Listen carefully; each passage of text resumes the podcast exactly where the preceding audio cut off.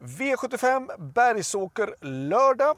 En superomgång med tanke på att det är en megajackpot på spel och eh, en intressant omgång som vanligt. Men framförallt så tycker jag det är intressant när det gäller spikarna. Jag hänger upp väldigt mycket på Jorma Kontio den här omgången, men det finns även redan i den första V75-avdelningen ett spikförslag i nummer 6, Ever Loving. Får Ever Loving spets, då tror jag att det är en bra spikförslag. Men jag tycker mig inte se att den har det där riktigt startsnabba i sig, utan den tvekar lite grann. Ulf Olsson är duktig från start däremot, men själva hästen har sett lite, lite, lite tvekande från start. Um, så vill man hitta motbud då tycker jag två Oracle Vixie, eh, fyra Lightzone och 11 The Flying Eagle är de som är mest emot. Vill man hitta ytterligare någon häst är nummer 8 Adele Gell som har verkligen visat formen. Sexan är solklar första häst där bakom 2, 4, 11 och kanske 8. Vi går till V75 2, kallblodsloppet och här ska vi ta många streck. Vi ska ta med 1, 2, 3, 4, 6, 8, 10, 12 och 14. Så 1, 2, 3, 4, 6, 8, 10, 12 och 14 i V75 2. Jag tycker det här loppet är öppet. Det är kallblodiga ston och de är väldigt ojämna i sina prestationer. Vi går istället till V75 3 och 3 High on Pepper är spikförslag och bästa spiken i omgången. Jag tycker att det finns två saker som, tre saker skulle jag säga, som talar för och absolut inte emot. Och det ena är ett att det är 2640 meter kontra de värsta motståndaren 16, Phoenix Photo. Eh, 2640 meter den klara, klara fördelen för High on Pepper.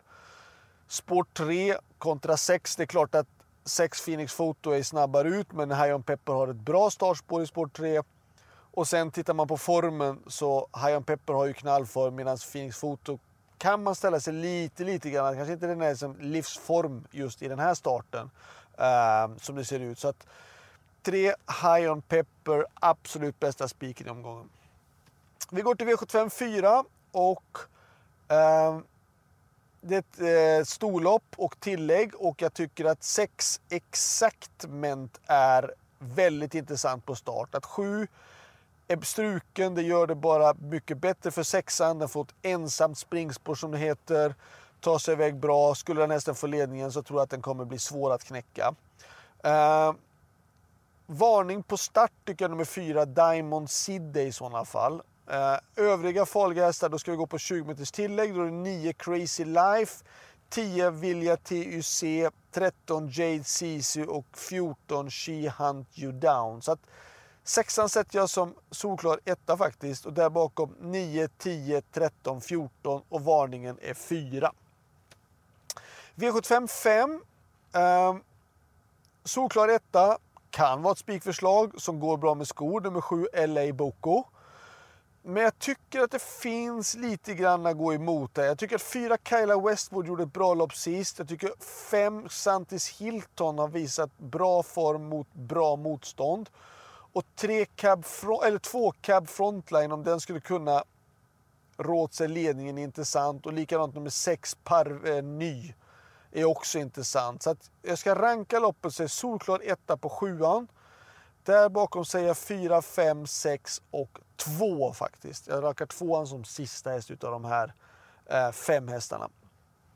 Vi går till V75 6. Uh, eh, och det är 1 Erion, 3 Judge Dread Sisu, 4 Never Too Young och 5 Benchmark. Det står mellan 1, 3, 4, 5. 1600 meter auto, bra startspår. De andra hästarna eh, har mest gått i monterlopp eller är gynnade av att vara med från i spets eller i främre träffen och har dåliga spår. Så att, nej, 1, 3, 4, 5. Sista avdelningen Avdelning 7, då är det Jorma Kontio igen. 3 It's Pepper Time. Bra utgångsläge. Um, möter inte motståndsmässigt någon som har liksom samma som den har mött tidigare. Jag kan tycka att det är intressant att Örjan Kihlström ska köra sex King of Jazz som har gått bra. Uh, nio Juvilla har inte visat form på slutet. Uh, nej, tre It's Pepper Time är också en bra spik och den näst bästa spiken i avdelningen. Utan det handlar alltihopa i den här V75-omgången är det då Jorma Kontio som kör åt Katja Melko som sitter på två riktigt bra spikförslag i den här jackpot-omgången. Så det var allt. Lycka till så hörs vi vidare. Ha det bra. Hej då!